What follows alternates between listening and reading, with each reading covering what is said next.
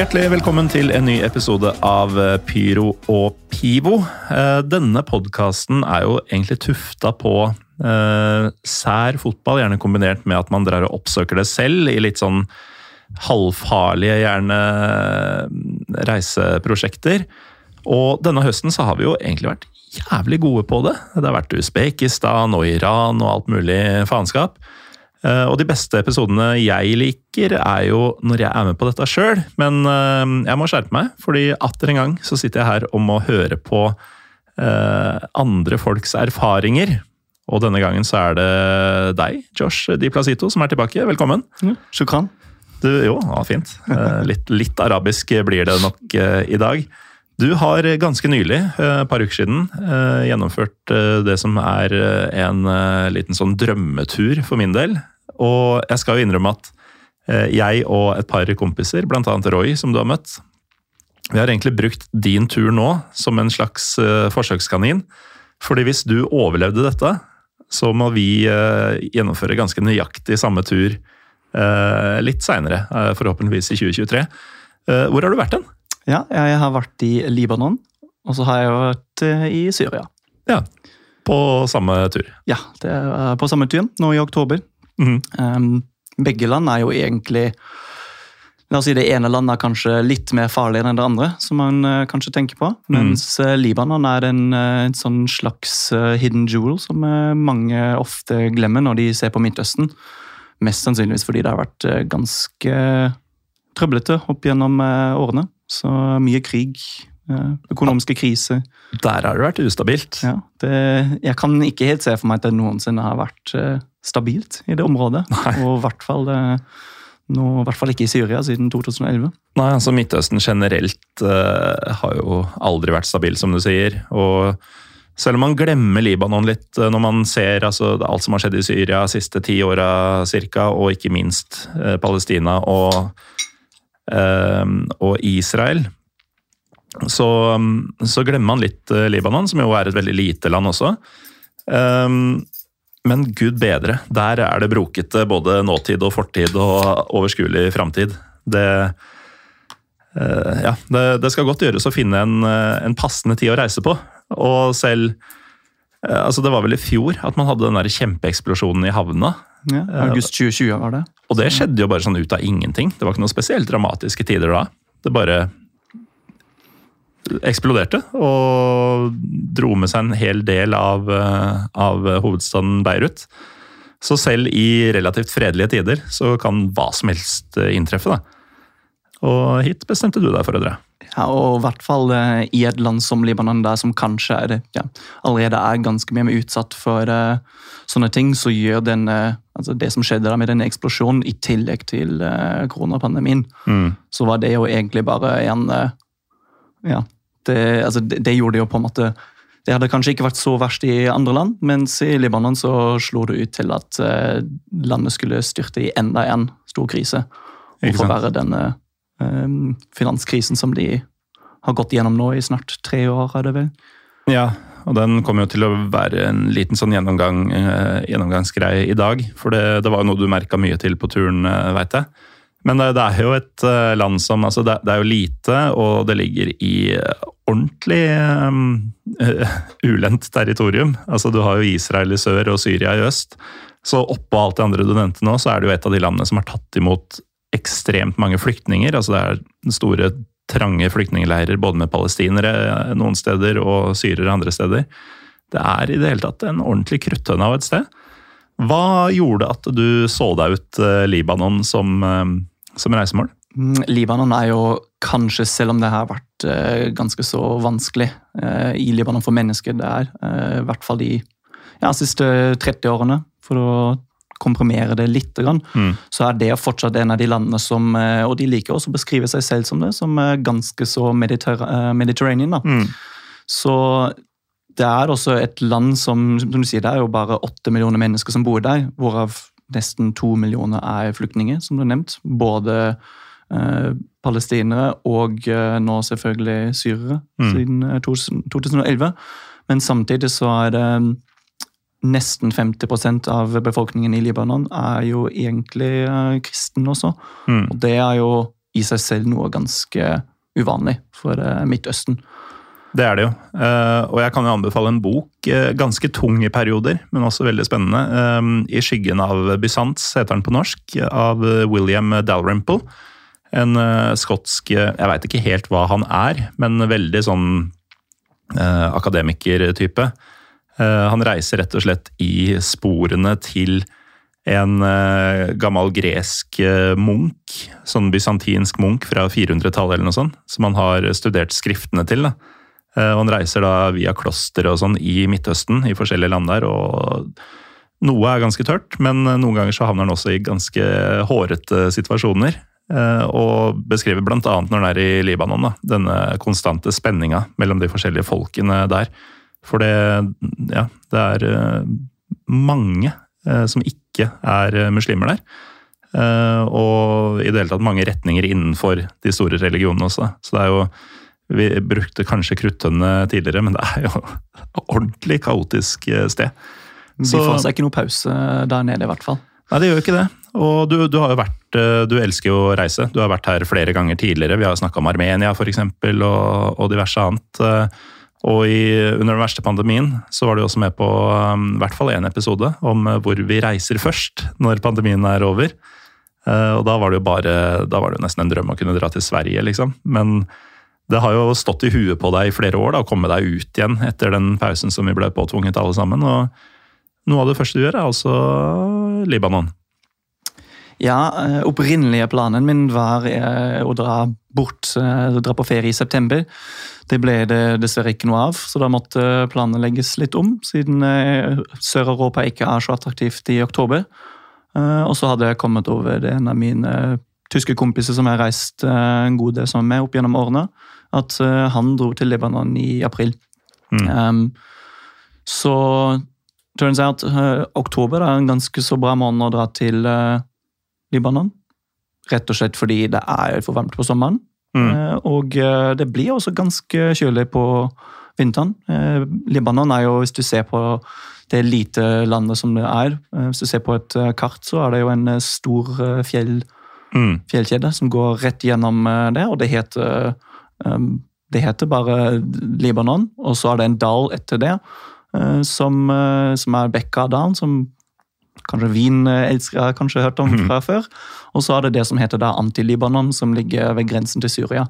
Og så er Syria et ganske så Det er sørvestlig delen av Syria, i hvert fall der Damaskus ligger.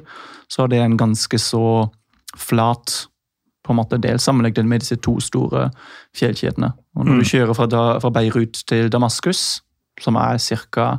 Som du har gjort. Ja, som, som jeg har gjort. Det, er det, sånn, det tar ca. tre timer, sier man fra, A til, fra helt fra A til B. Det er litt over ti mil.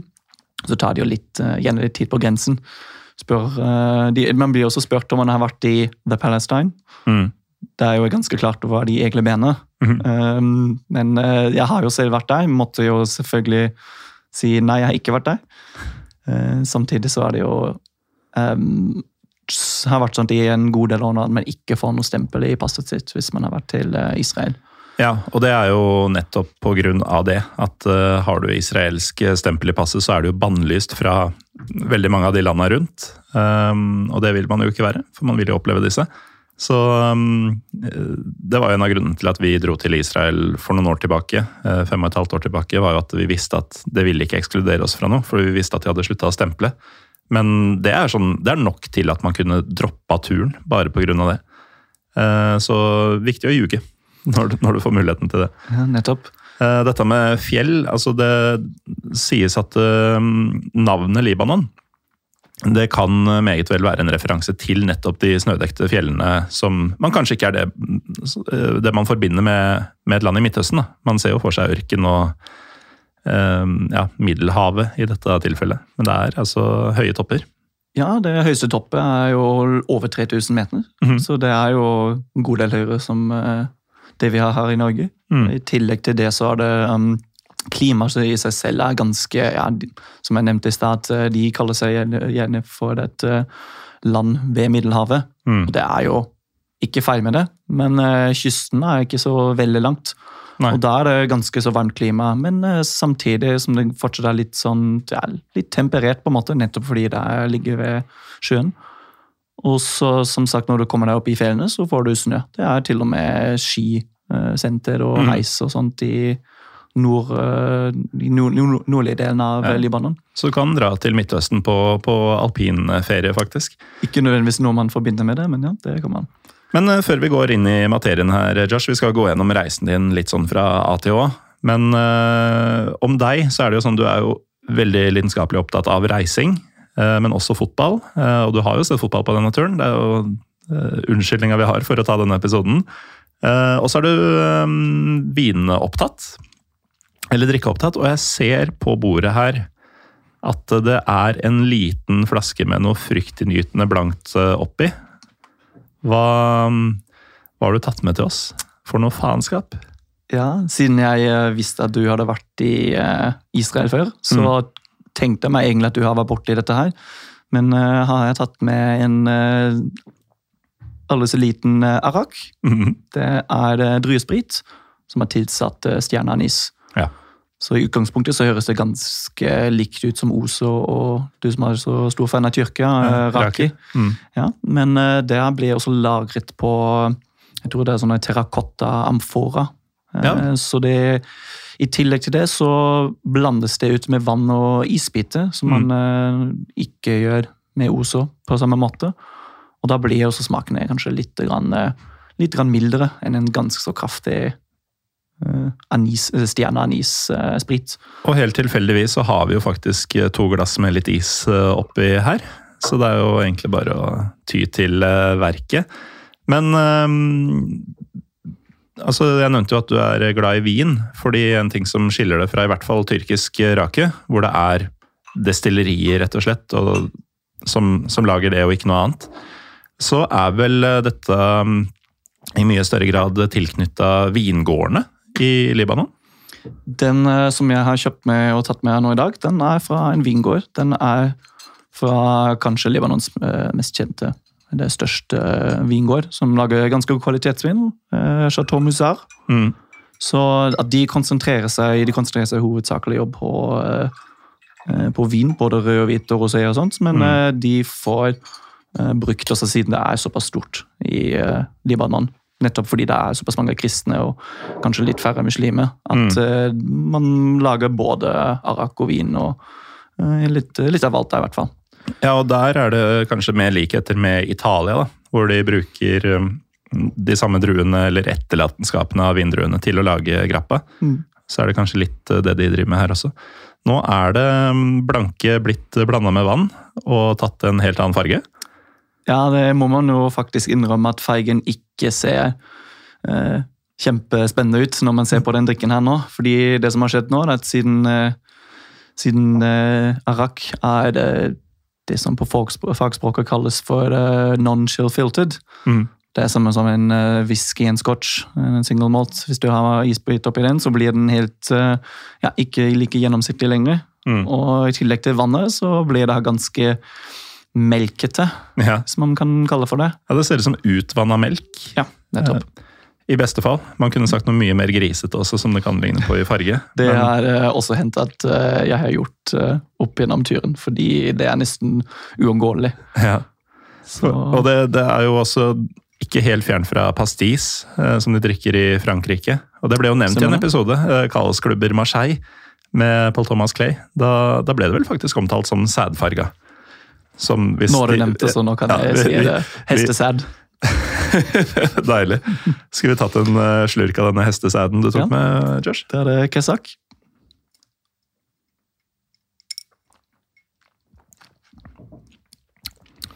Jeg kjenner folk som eh, ville steila, men eh, dette, dette går jo ned. Nå har jeg også vært på, eh, på fotball-TV hos deg, der du eh, tvang på meg den eh, alltid så god, gode nepejusen. Fer fermentert nepejus. Fermentert nepejusen. Ja, Ja. Som jeg selv syntes jo ikke var så ille. Nei, men det er Kanskje. jo ikke det. Det er veldig rart, men eh, så ille er det ikke.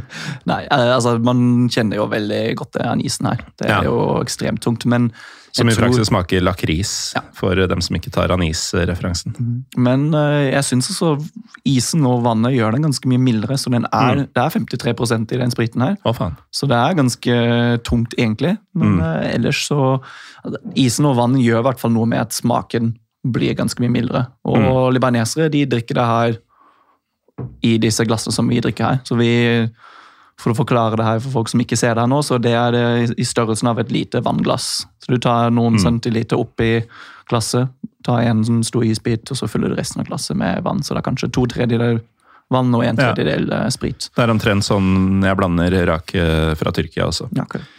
Men i hvert fall, vi eh, skal gå gjennom eh, turen din, og da tenker jeg at vi, eh, vi kan jo fortelle lytterne at vi skal, vi skal innom en fotballkamp.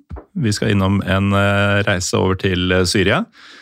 Og vi skal i hvert fall på én vingård, veit jeg. Det. Eh, Det er kanskje mm, headlines for eh, den neste timen, eller hvor lenge dette kommer til å vare. Men eh, vi kan jo starte med det som kan være lurt, altså forberedelser. Eh, Når du har valgt ut sammen med denne kompisen din at vi skal til Libanon, så er det jo naturlig å kikke etter eh, hvem som flyr deg dit, om du trenger noen papirer i forkant, eh, sånne ting. Eh, Er det mye jobb å gjøre seg klar for en tur til Libanon? Eh, Libanon i seg selv er visumsfritt for de fleste vestlige land. Eh, Det gjelder både ja, jeg som reiste på britisk pass, og kompisen min som reiste på norsk pass. Syria derimot er det ganske så vanskelig. Ja. Det er også noe som vi opplevde eh, da vi snakket med folk i Libanon om at, om at vi skulle til Syria, siden vi skulle veksle eh, penger i Libanon, altså Mm. inn til syriske, syriske lira eller pund. Um, de aller fleste der var eh, bare opptatt av at å ja, dere drar til Damaskus, det er kutt. Mens eh, de fleste her hjemme var jo kanskje litt mer kritiske eller overrasket over det her. For det høres jo ikke bra ut, hvis man har fulgt bare sånn sporadisk med og har det inntrykket mange har da, av eh, åssen Syria selvfølgelig har vært i mange år, men er i dag. Det er jo en grunn til at det ikke er så mye i nyhetene lenger. Og jeg må jo også si, bare i forkant av før vi fortsetter med det, at selvfølgelig er det jo helt forferdelig hva som har skjedd i Syria de siste elleve årene. Men eh, i mine øyne, og jeg tror du er ganske enig her eh, Når man drar til eh, sånne land som kanskje er litt, ja, ikke bare litt, men ganske mye off the beaten track, Mm. så er det jo ikke det samme som å ja, godkjenne regimet og eh, den eh, Mm. helt eh, gale diktatoren som styrer deg. Men samtidig så er det Nå skal jeg være forsiktig med ordene, men jeg vil ikke sagt at det er trygt å dra til Syria, men det er visse områder der det er, går helt Det er greit å besøke, ish. Mm. Så Syria er fortsatt eh, et land i krig, det er helt sant. Men det pågår ikke like store slag som i hele landet, som det har kanskje gjort nå utover 2010-tallet. Så Mm. etter IS eh, kom på, på banen i 2014 og sånt, så de fins jo nesten ikke lenger. I hvert fall så styrer de ikke så mange deler av Syria lenger. Det tok Nei. jo ikke så mange år um, før de ble på en måte drevet ut av eh, Syria. Mm. Og så er det jo veldig mange fraksjoner som claimer deler av Syria fortsatt. Men eh, jeg ville sagt nesten 80 er det, Nesten 90% av Syria er, ja, dessverre, må man si, igjen under kontroll av eh, Assad. Assad og hans eh, militær, i hvert fall. Eller hans eh, Ja, myndighetene, da. ja, myndighetene, basically. Så det er hovedsakelig de regionene i nord som grenser til Tyrkia, Mm. eh, som eh, Hvor det fortsatt er en del slag. Ja, mye mer fraksjonert uh, hvem som har kontroll over hvilken landsby og sånn. Ja, og det er, det er fortsatt ikke Det er selvfølgelig ikke gjenoppbygd i store deler av landet, og det har jo dessverre ført til eh, flyktningkrisen som vi så for en del år tilbake. Mm. Um, mens Damaskus, som da er hovedstaden, uh, største byen um, Kulturelt og politisk og historisk sett. altså Damaskus, Grunnen til at jeg hadde lyst til utgangspunktet å dra til Syria, er jo at Damaskus er en utrolig viktig by i verdenshistorie. Mm. Det blir ofte omtalt som den fjerde viktigste byen uh, i verdenshistorie, uh, etter Roma og Konstantinopel. Og den tredje er litt grann, eh, omstridt. Det er mange som eh, sier andre ting, men eh, man kan både si Aten, eh, Alexandria. Eh, Men eh, Damaskus er, og Jerusalem, selvfølgelig. Mm. Mens Damaskus eh, var, har alltid vært en stor by. I Damaskus så, blir de, så, så sier de til oss turister, det, det guiden vår fortalte oss, at det er det, den hovedstaden som er lengst bebodd opp gjennom Mm. historien. Ja. Nei, vi skal ta, ta dykke, dykke ordentlig inn i Syria. Dagsturen din, nesten. Eh, Det var ikke store deler av ferien som ble tilbrakt der, men vi, vi forholder oss til Libanon eh, hovedsakelig, i hvert fall nå til å begynne med. Så det er altså visumfritt for de fleste, annet oss eh, nordmenn. Og for dere briter og Ja, du er jo alt mulig, egentlig. Både Tysk og britisk og noe italiensk er oppi der. og Nei, mye greier på en gang. Men eh, altså det, det dekker jo det med innreise delvis. Eh, noe, trenger du å vise koronavaksine og sånn for tiden? Det ble faktisk fjernet rett før vi dro. Ja. Vi dro uh, første, andre uken i oktober, og det var det slutt med på den, jeg tror 30. 30. september var siste dagen der du måtte ha koronasertifikat. Men sånne ting kan jo alltid um, forandre, altså endres på kort eh, sikt. Men sånn formelt sett så trenger du egentlig bare en reise inn i landet. Eh, Da antagelig med fly. Eh, Hvordan kom du deg til eh, Libanon? Ja, via Frankfurt. Mm. Så det tar ca. fire timer fra Frankfurt. Det er det også, siden Libanon en gang i tiden var en fransk koloni, eller styrt av den franske kolonialmakten, så er det også ganske så lett å komme seg dit via Frankrike. Men jeg tror ikke at det er den enkleste reisevei fra Norge, siden da er det litt backtracking før man kommer seg dit. Ja, og det er jo litt sånn standard, eh, både hvis man reiser til Midtøsten, men også Kaukasus eksempel. I det hele tatt eh, litt sånn, du kalte det off the beaten track-land sørøstover. Så er det ofte litt sånn ugunstige reisetidspunkter og sånn. At du f.eks. får en lang mellomlanding i Frankfurt fordi flyet skal gå videre klokka 23.40, og så lander du der klokka fem lokal tid på natta, liksom. Åssen var den varianten til Beirut? Det gikk overraskende smooth. Mm. Det fins en nattflyvning eh, dit fra Frankfurt, eh, eller per dags dato. Men eh, vi fløy jo da grytidlig fra Gardermoen ned til Frankfurt. Hadde noen timer der, og så videre. Mm. Så vi, vi ankom dit på ettermiddagen. Deilig. Og ja, det var ganske fint. Og så er det, så man landet dit ja, tidlig ettermiddag, to-tre-tida. Mm. Eh, Så er Libanon, selv om det er ganske langt øst, så er det bare én time foran Norge, foran resten av Europa. Og det er også deilig. Jeg tror de, eh, tror de liker, som sagt, å omtale seg selv som et eh, land som ligger ved Middelhavet. Mm. Middelhavslandet Libanon. Men eh, det høres jo ganske smooth ut. da. Jo, jeg ser jo ingen grunn til å ikke dra. Nettopp. Hva annet blir ble gjort av planlegging i forkant? Altså, en ting vi kan nevne med en gang, da, som sikkert ikke er formelt påkrevd, men som man anbefaler egentlig til alle reiser, spesielt til ja, når du skal ut av Schengen og alt mulig sånn, er jo å ha reise reiseinsurance og forsikring eh, i orden. Jeg tror den der Araken begynner å kicke inn allerede. Eh, men utover det så er det altså, Kikka dere noe særlig på Ble det Airbnb eller hotell, eller Det er både Airbnb og hostell. Mm. Så det er, eh, det er et ganske fint hostell som ligger midt i Beirut. Altså Beirut som hovedstad er jo, utgjør den største andelen av befolkningen i hvert fall i Libanon. Eh, Som sagt, åtte millioner innbyggere. To millioner det er flyktninger til forskjellig grad, som, Mm. som du nevnte, bor på eh, forferdelige, skikkelig dårlige eh, camps ved grensene til Syria og eh, Israel. Mm. Um, mens Beirut også har to millioner innbyggere. Så størstedelen av eh, alt som skjer rundt omkring i landet, er jo fokusert på Beirut. Mm. Mens i seg selv så er Beirut ikke den aller største byen når det kommer til sånn utstrekning. Det Nei. er bare ti minutter med taxi inn fra flyplassen inn til eh, byen.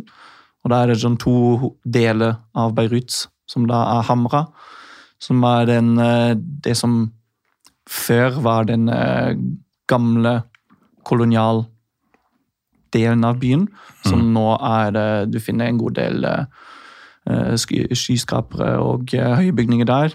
Det som også er veldig interessant med Libanon, som jeg ikke har opplevd før, at det er både ettervirkninger av eh, borgerkrigen, som fant sted i Libanon fra 1975 til 1990. Ja, For det blir litt sånn hvilken borgerkrig? For det. Det, fordi det er det som er vanskelig, vanskelig, her, egentlig. Men denne borgerkrigen førte jo til at ganske mange deler av Beirut helt ble, ble ja, ødelagt, rett og mm. slett. Og det er sånn at ganske mye av det er fortsatt ikke gjenoppbygd i dag. Så det er veldig mange skyskrapere som står der som skjelett, på en mm. måte. At det er bare en 70-80-90-100 meter høy bygning mm. uten noe vindu, som bare er betong, uh, betong og ikke noe vindu, ingenting. Ja, og det... det er, ja, som jeg sagt, det er den vestlige delen av Beirut. Mm. Ja. For å sette litt i perspektiv det med borgerkrig og i det hele tatt levevilkår, da, som du helt sikkert kommer til å komme inn på senere, så er det jo eh, langt flere libanesere utafor Libanon enn i. Eh, det snakkes om opptil 15 millioner libanesere rundt omkring i verden. Altså dobbelt så mange omtrent som det bor i, i landet. Og um, bare i Brasil, av alle steder hvor det finnes flest libanesere, så er det jo eh, regna med at det er opptil sju millioner libanesere. Så det er altså nesten, eller mer eller mindre like mange libanesere i Brasil aleine som det er i Libanon. Ja. Det er veldig sykt å tenke på. Og da er det jo én ting uh, som de har uh, veldig til felles med, med Armenia. Mm. Kjempediaspora. Uh, den diasporaen. Jeg har ikke funnet noe nøyaktig tall på som, hvilket land som har flere innbyggere som bor utenlands. Mm. Men det er jo hovedsakelig denne borgerkrigen fra 70-80-tallet som har ført til at folk har flyktet, flyktet fra Libanon og bosatt seg i ja, Brasil, Frankrike, Australia. Det er ganske store mm.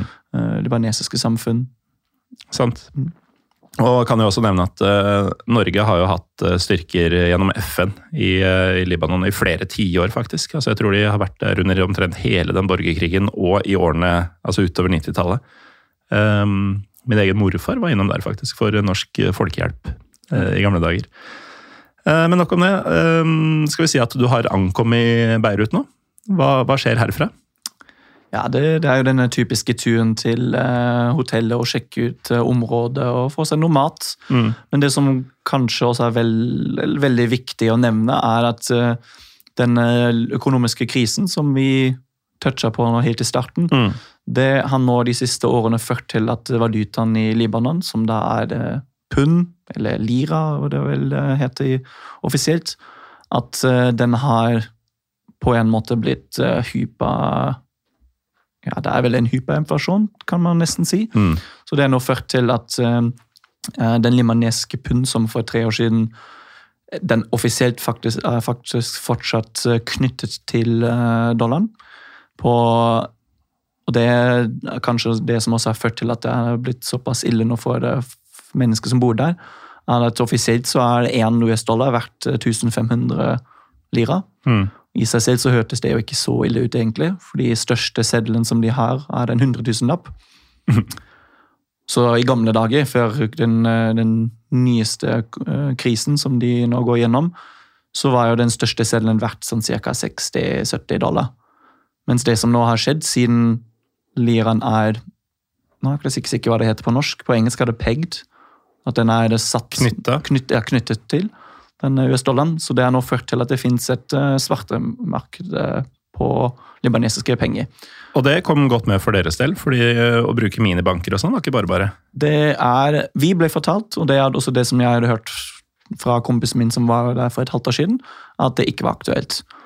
Og ikke så lenge før vi dro, nå det var kanskje i august eller september, så var det også nyheter på det var på nyhetene i NRK at folk prøvde å Eh, komme seg inn i banker mm. for å kunne ta ut alle sine, alle sine life savings. Og det har nå ført til at libanesere får ikke tatt ut dollar, som det har vært en greie opp gjennom årene, at de alltid har hatt sine alt de har spart, Alle sine sparepenger alltid har vært US-dollar, og de får mm. nå ikke tatt ut dollar lenger. Så det er ganske så vanskelig for det, de fleste å komme seg gjennom uh, der. Det er også som Hvis du har en jobb som betaler helt greit, så blir det betalt i dollar. Mm. Men å ta ut penger fra minibanken går jo da ikke. fordi hvis du har 100 dollar i minibanken, og du vil ta ut det her på papiret, så får du 1500 lira per dollar. Og da får de jo ikke så veldig mye igjen. Mens det smarte, svarte markedet kurset som uh, gjaldt da jeg var der, var 39 000 Mm. lira til dollaren. Så det er jo et uh, mangledobbelt uh, tall. Ja. Så, og nå må du huske den, uh, den største seddelen, som er uh, 100 000. Det betyr da at en 100 000-lapp er verdt 25 kroner. Kanskje 30. Så man går ofte rundt med en bunke med penger. Og som jeg nevnte, nesten, det første vi gjorde da vi ankom, var å dra til eh, en sånn typisk eh, exchange office, sånn Western Union-aktig greie, og da veksler du penger. Og vi, siden vi hadde hørt om det her fra før, så hadde vi tatt med dollar i, Ja. kontan, i kontanter. Mm. Nå er det visstnok sånt at det går an å ta ut dollar opp til en viss sum med utenlandske bankkort. Men for å være helt ærlig så vil jeg ikke stolt på det her. Nei. Så det kan, hvis man skal til Libanon, så Ha med cash. Ha med cash, absolutt. US-dollar. Det er det som gjelder. da. Men eh, du hadde jo altså Dette er jo ikke et tilfeldig valgt eh, reisemål for deg.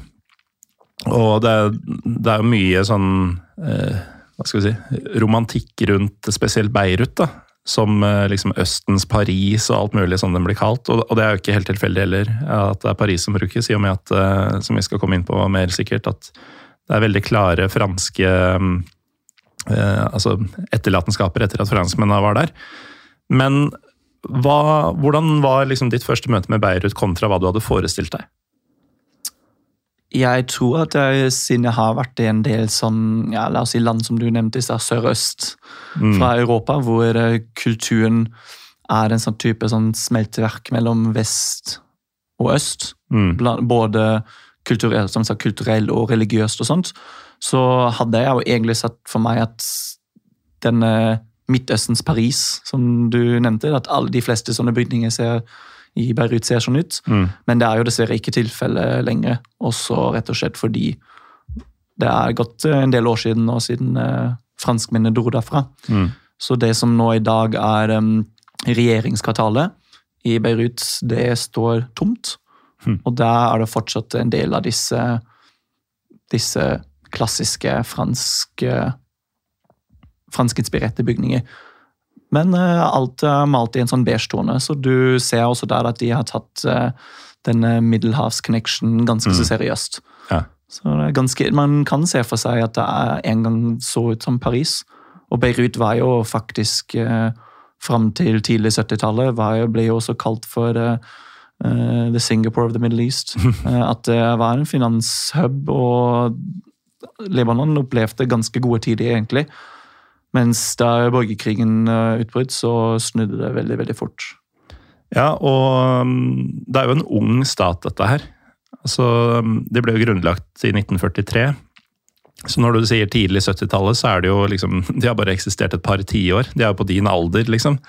Eh, Når ting går bra. Og det er jo absurd å tenke på nå at um, at, eh, ja, at det gikk såpass bra med dem, og det har gått såpass gærent nå, da. Eh, Men det er det jo mange grunner til. Og jeg kan vel si med en gang at vi kommer ikke til å gå i dybden på verken borgerkrig eller Hizbollah eller politiske mord og Syrias innblanding og sånn, fordi det er så komplekst. Det er skøyt inn hvilken borgerkrig, så er det jo fordi det blusser jo opp eh, av og på eh, hele tiden. Så vi må nesten bare komme til det når det blir naturlig, men dette blir ikke en sånn uh, dyp uh, historisk gjennomgang. Altså, det er ikke som når Trym Hogner skal prate om Kosovo, vi, vi må begynne på 1100-tallet, liksom. Um, men ok, du har, du har ankommet, og du nevnte at det, man måtte jo få seg noe mat.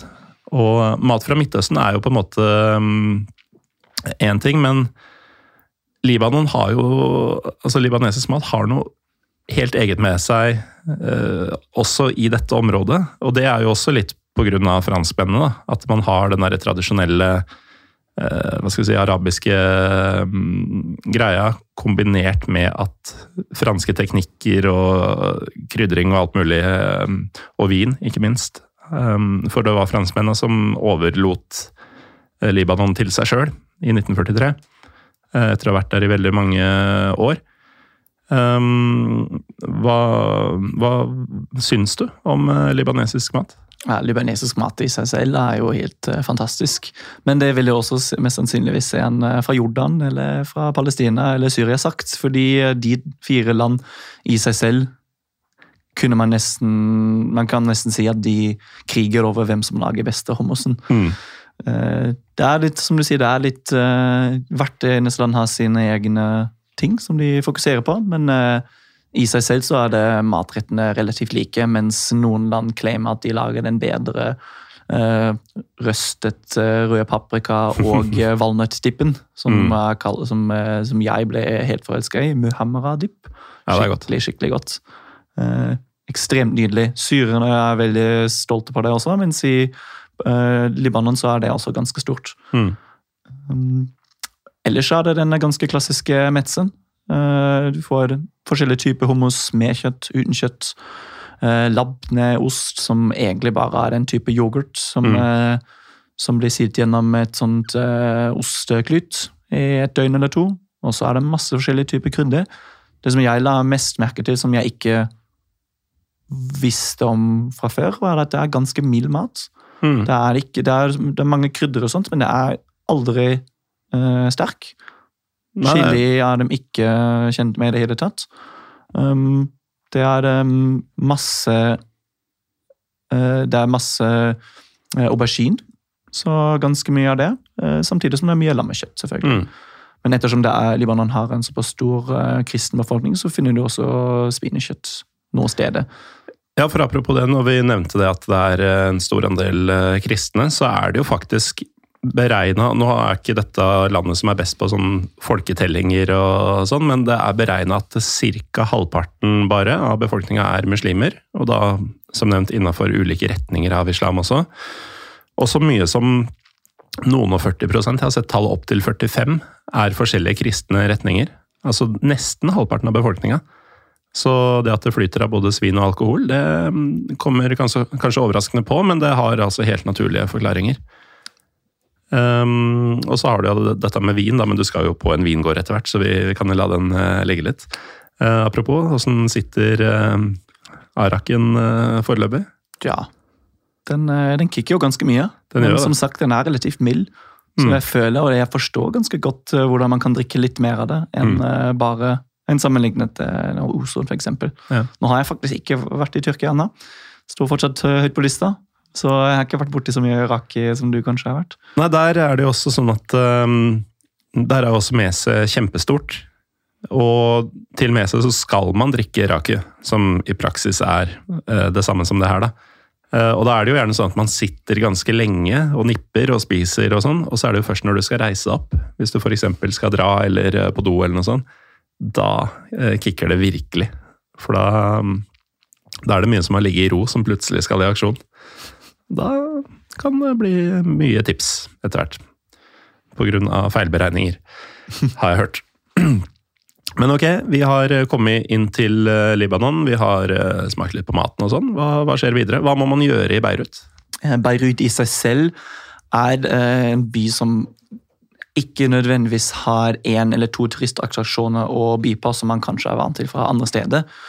Men for meg så er det jo nesten mer altså Jeg blir mer tiltrukket av sånne byer. Enn, Et sted hvor du bare opplever atmosfæren og sånn, ja. heller enn at du må dra og se dette og dette. Nettopp. Så mm. det ikke være innstilt på at det er én ting å si å se i hele landet, siden det, Libanon er såpass, såpass liten at det finnes mange små forskjellige ting innenfor visse områder. Det eneste som jeg tenker at man må få med seg, det ligger ikke i Beirut. Det ligger i Bekkadalen. Der, mm. som du også nevnte, Hezbollah kontrollerer deler av landet, egentlig. Ja. Eh, og det er de um, på Albeck-ruinene. Uh, mm. Det er et gammelt tempel, tempelanlegg fra romertiden. Dro dere dit? Ja. Det er ca. tre timer med, med bil i, fra Beirut. Hvor merkbart var det at det var Hizbollah-dominert? Jeg hadde hørt at man ser de gulne flaggene til Hezbollah litt overalt. Jeg så ikke den personlig, men uh, på veien hjem Eh, så kjørte vi Da vi kjørte en relativt lang, eh, eh, lang og flat biltur etter man kommer seg ut av Beirut. fordi allerede da krysser man disse fjellene som jeg nevnte i starten. Så man går opp fra ca. 0 meter til 2000 meter. Mm. Og så ned igjen til 500-400 meter på en times bytur. Mm. Um, og uh, i disse landsbyene som, følger, som man kjører gjennom der, så var det også dessverre et uh, plakat av uh, Nå skal jeg ikke prøve å si det feil ord, men Saddam Hussein. Mm. Og det stussa vi jo veldig på. At vi skjønte jo ikke hva han hadde med til, med, til felles med denne lille landsbyen, Nei. som eh, ikke er så veldig betydningsfullt. Men det er nok visstnok sant at uh, denne landsbyen er og nå skal jeg håpe at jeg ikke sier det feil igjen Shia. Mm. Og det er fordi Saddam Hussein drepte Eller fikk uh, Fikk drept en del uh, sunnimuslimer. Mm. Korriger meg hvis det er feil, fordi jeg blander alltid de to her. Ja, det, det kan godt stemme. Um, ble veldig usikker sjøl, faktisk. Men det er jo Essensen bak plakaten var i hvert fall at denne landsbyen var eh, av eh, samme muslimske troen som eh, Saddam Hussein. mm, Og eh, de var bare stolte at eh, han gjorde så mye mot Mm. eh, den andre store troen i, eh, blant muslimer. ja, vi, kan, vi kan jo nevne, siden vi er inne på det, hva Hezbollah er, da. Eh, Det er jo offisielt internasjonalt uh, regna som en terroristorganisasjon. Eh, og så er det jo den der klassikeren med at en manns terrorist er en annen manns frihetsforkjemper og sånn. Uten at vi skal legge oss opp i det. Men litt sånn eksempel IRA og Sinn Fein i Nord-Irland. Så har de jo, og for så vidt også Hamas faktisk på, i Palestina, uh, uten at jeg skal sammenligne noen av disse tre med hverandre, men bare sånn Alle disse har da, uh, og inkludert av Hizbollah, har da faktisk eh, en del som er politisk, altså et parti, uh, men også en militær gren. da, Og det er den militære grena man har et forhold til ved å lese nyheter og sånn her i Vesten. Og Hezbollah er, eh, Hezbollahs militære styr, styrken er større enn det libanesiske forsvaret. Mm. Så det er en eh, ikke ubetydelig del som styrer en relativt stor del av eh, det østlige og nordøstlige Libanon. Nå har vi holdt på en god stund her allerede, Josh, og det er ganske mange hint av det man på engelsk ville kalt en failed state. Altså Det er ikke mye som er på stell her. Veldig lite. Mm.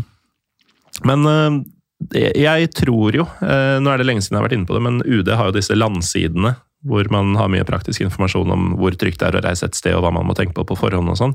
Og jeg er ganske sikker på at eh, UD fraråder reiser til den delen du akkurat nevnte at du var i. Ja, jeg sjekket jo ja, det britiske UD før jeg dro, og da er det et De er jo veldig flinke til å Det gjør sikkert også UD, at de viser deg et kart av det landet, og så farget, eh, så farget inn i forskjellige farger. Mm. Og da er det også veldig klart hvilke farger som uh, mener at man ikke skal uh, dra til disse deler. Mm. Ifølge det britiske utenriksdepartementet så var jo hele Libanon mørkegul, og østlige som vi snakket om i stad, der Baalbek ligger f.eks., Mm. Uh, den såkalte Bekkadalen, den ligger i et rødt område. Ja. Personlig så ville jeg sagt at det er noe som har blitt gjort for, nettopp fordi Hezbollah er eh, betegnet som en terrororganisasjon. Det betyr ikke at det er helt utrygt å dra til Mm. disse, eh, disse deler av eh, Libanon. Um, men så må man jo alltid gjøre litt research hvordan den aktuelle sikkerhetssituasjonen er i hvilket som helst land. I tillegg til det, hvis du er litt street smart, så tror jeg at du kan eh, unngå det meste. Og så har det ikke eh, nylig i hvert fall vært noe tilfelle av eh, at stakkars no norsk og britisk turist har blitt bortført, f.eks. Så jeg følte meg personlig ikke uttrykt da heller, men nå vil jeg også kanskje si at jeg har følt at jeg har vært i en del sånne land. Og som sagt, hvis du, hvis du kan forholde deg til, til lokale regler, så går det stort sett greit. Mm. Så litt sunn fornuft og en del eh, informasjon på forhånd, så er ikke rødt nødvendigvis så rødt. Um, og jeg har virkelig ikke inntrykk av at du angrer på at du tok turen. Nei, absolutt ikke. Eh, Det kan eh, sikkert også hjelpe med, hvis, du kan, hvis du har med en, eh, noen som kan arabisk. Mm. Og vi var heldige nok at vi hadde en, eh, en eh, kompis av eh, kompisen som jeg, som jeg dro med, som uh, er født og oppvokst i Irak. Han Mm. uh, bodde i Norge i 15 år, så han flytta tilbake til uh, Nå bor han i Tyrkia. Og helt tilfeldigvis han, var han også i uh, Beirut samtidig som vi var der. Så vi, Det hjelper. ja, det hjelper i hvert fall med en som kunne norsk. og Han, ikke, han har vært i Libanon opp gjennom årene, men uh, det hjalp i hvert fall at han kunne arabisk også. Men uh, var dette samme område som eh, vinproduksjonen foregår? Uh, Bekkadalen er uh, der vinmarkene ligger. Eh, det fins en del uh, vingårder som holder til i Bekkadalen også. Mm. Mens eh, den produsenten som vi drikker araken sin fra nå, den eh, holder til Selve vinmarkene er også øst i landet. Mm. Mens eh, vingården, og der vinen produseres, eh, ligger ca. en drøy halvtime nord fra Beirut. Ok. Uh, og du, det var den du besøkte, eller? Nettopp. Nord for Beirut? Chateau Musar. Ja. Skal vi eh, Vi har jo lovt at det blir litt fotball her. Vi har holdt på i tre kvarter alt. Eh, skal vi ta vingården eller eh, fotballen først? Jeg tenker vi kan fokusere litt på fotballen. Det er dessverre ikke så veldig mye å snakke om i libanesisk fotball. For jeg tror selv de mest hardcore eh, lyttere her av denne podkasten hadde sleit med å komme på én fotballspiller fra Libanon. Jeg tror, uh, tror vi nesten kan si hva vi vil her, uten å bli tatt på det. Bortsett fra én uh, lytter, en uh, trønder som heter Fredrik. Han bor, om ikke fast, så i hvert fall store deler av året i Libanon. Og um, kommer nok sikkert noen sinte meldinger i kjølvannet av denne episoden til i hvert fall en av oss. men vi, eh, vi freestyler litt her. Du, for du skulle jo på fotballkamp. Man drar jo ikke til Libanon uten å se på fotball. Nei, nettopp. Altså, jeg er jo den personen som eh, er nesten like glad i fotball som jeg er i å reise. Og da er det, jeg tror du nevnte det her i en eh, relativt nylig episode, kanskje den om, om Usbekistan, at det, noen land så er det ikke eh, så lett å finne en fotballkamp. Mm. Eh, men hvis det lar seg kombinere, så gjør man det gjerne. Og det var akkurat sånn det var i mitt tilfelle. Altså. Det er alltid litt vanskelig å finne informasjon om fotball i et sånt land, og jeg spurte til og med lokalbefolkningen, og de kunne ikke fortelle meg. Nei, og det er ofte tilfellet i land hvor um, altså, man kanskje ikke har muligheten til å fokusere på fotball akkurat nå, eller hvor fotballinteressen er ganske lav generelt, eller at det bare er så dårlig at folk ikke bryr seg. Eh, Men det er jo sånn gjenganger i flere land. Jeg opplevde jo det i Georgia, til og med, som jo har en rik fotballhistorie. At eh, da jeg spurte om eh, hvor man skaffa billetter til ligakampen Dinamo Tbilisi første gang jeg var der, så var det litt sånn, nesten sånn hånlatter. Sånn, I think it's free. Bare, bare dra dit og gå inn, liksom. Det er ingen som skal ha noe penger for det. Hvor, Hvem skal betale hvor, for Hvorfor spør du, liksom? um, men altså det er, jo, det er jo det, det og at det er vanskelig å finne informasjon. Jeg husker Vi var jo i Jordan eh, for tre år siden. Og um, det var vel Vi prøvde jo flere uker å finne ut hva er det som skjer med fotballen i landet nå, egentlig.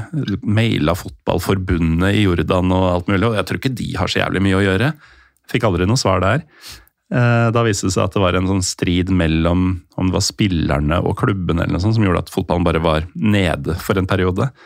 Eh, Men det var sånn Vi brukte ukevis på å finne ut om det var noe fotball eller ikke. Du kom litt lettere fra det her, men det, du ble ikke sånn dritklok på hva du skulle se, tror jeg, før du dro.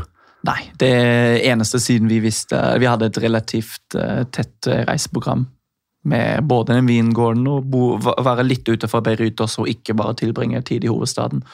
Fordi i seg selv så kan man eh, besøke Libanon på fem dager, tenker jeg. Mm. Um, mens vi skulle hatt en litt lengre ferie uansett, og se jo litt forskjellige deler og hjørner av landet, så tenkte vi at vi må nesten ha ni eller ti dager i Libanon pluss eh, to dager i Syria. Eh, så det, det, var- det var bare én kamp, som da var på, på søndagen, eh, der The Lebanese Premier League finner sted. Og nå må du hjelpe meg igjen hva klubben het. Eh, Shabab al-Sahel var hjemmelaget, tror jeg. Nettopp. mot eh, Salam Zrata. Ja. Og så får eventuelt arabisktalende lyttere ha meg unnskyldt for uttalen, men jeg prøvde. Ja, jeg ble jo bare um, Da jeg så at den den ene klubben har holdt til i Beirut, og jeg så at det het Shabab, så var det jo noe annet jeg øh, skulle forbinde med det navnet, egentlig. Ja, eh, Det at shabab vel betyr ungdom, eh, tror jeg, på arabisk, det er, ikke, det er ikke det første som slår inn i huet når du leser det ordet. Ikke når du, Det eneste du kan si på arabisk, er det shukran, habibi. Nei, for eh, Shabab, eh, altså Al-Shabaab er jo den mest kjente terrororganisasjonen i Somalia. Sånn apropos failed eh, states. De dukker opp i nyhetene innimellom. Nå har det vært blitt nevnt en del terror organizations. Ja, det, det, blir litt, det blir litt av det i dag. Mm. Men ja, det, det blir match. Tipper du ikke måtte kjøpe billett på nett i forkant? Nei, det var ganske så lett. Vi um, ble fortalt, eller den researchen som vi gjorde, var at Al-Shabaab Shabab Sahel. al-Sahel holder til uh, i Sør-Beirut, som også igjen er en del av byen som egentlig uh, de fleste Utenriksdepartementet ikke mm, Sier at du skal det ennå. nettopp.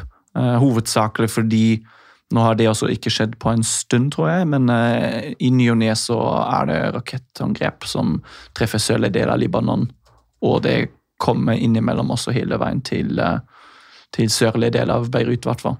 Mm. Så som, som jeg nevnte, at Libanon, uh, Beirut egentlig ikke er den største byen i seg selv, så var det bare en ti minutters uh, tur med Bolt. Det var det vi brukte for å komme oss rundt der, siden det er såpass vanskelig å forhandle på pris med sjåfører som ikke eh, snakker engelsk. Mm. Eller fransk, til og med. Um, Ja, for det er et offisielt språk der. Det er ingen som snakker fransk der, bortsett Nei. fra at folk sier merci når de snakker, sier takk. Mm. Det er noe som fortsatt sitter igjen. Men det er seriøst offisielt språk. Men at det ikke er i bruk, det, det tror jeg på. Men eh, fransk er også et, am- eh, et um, offisielt språk i Armenia. Det er ingen som snakker fransk der. Det er bare også pga. den uh, store diasporen som, uh, av armenere som bor i, i Frankrike. Mm. At uh, fransk er et anerkjent språk. Ja. Men uh, uansett, uh, det er lite fransk over Shabab al-Sahel og Salam Ra- Srata. Hvordan- hva slags stadion snakker vi om her? Vi snakker om en eh, bane som kanskje har plass til maks 2000 stykk, med én tribune. Sikkert mer enn nok. Det var mer enn nok. Jeg ville sagt at det var kanskje 500 stykk på kamp. Mm. Overraskende mange kvinner, må jeg si. Og som navnet til klubben selvfølgelig um, forteller oss, er denne klubben muslimsk. Mm. Eh, den eh, ja, som sagt holder til i sørlige Beirut. Det er litt vanskelig å sammenligne fotballen som jeg fikk sett der med noe annet europeisk, men eh, det ville ikke nok vært mye mer enn en norsk fjerde eller femte divisjon. Nei. Så Premier League er ganske misvisende som Det, navn. Lebanese Premier League er litt misvisende, så det er nok sant. Mm. Er det noen stemning her, da? Som sagt, det var veldig mange unge folk eh, og kvinner. Og, Mye eh, shabab og kvinner? Veldig mye. Mm. Men uh, overraskende underholdsom kamp. Det var faktisk en uh, Ja, jeg vil ikke nødvendigvis kalle dem for uh, ultras, men en liten ja, heiagjeng, hvis man kan kalle dem sånt. Med tromme, ikke noe megafon. Og så ble det også til og med sunget Det skjønte vi ikke helt hva betydningen var, men det blir sunget à la wakba Mm. under innmarsjen og sånt. Og vi, bare, vi, vi vet jo egentlig at det ikke betyr det samme som man kanskje ofte tror i eh, Vesten. Det betyr vel Gud er stor? Ja, men dessverre har de jo også blitt litt misbrukt, eh, ikke sant? Eh, men vi skjønte ikke hvorfor dette skulle bli sunget på en fotballkamp. Mm. Um, men det var det eneste som jeg ville sagt var kanskje litt eh, merkelig med hele opplevelsen. Uh, Billettkjøp, eh, som du nevnte i stad, det var enkelt. Vi hoppa ut, av, eh, ut av drosjen, gikk rett til eh, stadion, og da ble vi fortalt at billettene kosta 16 000 eh, lira. Og for Mm. de lyttere som husker valutakurset, så var det jo under én dollar. Etter uoffisielle valutakurset. Mm. Så det hele kosta fem kroner, ville jeg sagt. Ja. Så en eh, ganske, ganske enkel og fin eh, opplevelse å få med seg. Ble det noen mål, da? Eh, ja, For det, det, det hadde straffe. vært ganske typisk med 0-0 her. det så veldig veldig langt sånn ut. Og det, jeg husker at jeg sendte deg en melding om det her, at det var en relativt underholdsom kamp. Altså Sahel var overlegent. De ligger vel på fjerdeplass nå i eh, Premier League nå. De har vunnet en del kamper nå i det siste. Mm. De hadde skåret uh, ganske så mange mål, mens uh, Sakrata var, de ligger ganske langt unna. Ligger relativt lavt i tabellen nå.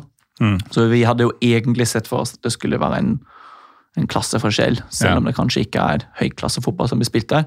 Men uh, Sakrata holdt nullen fram til 96. minutt.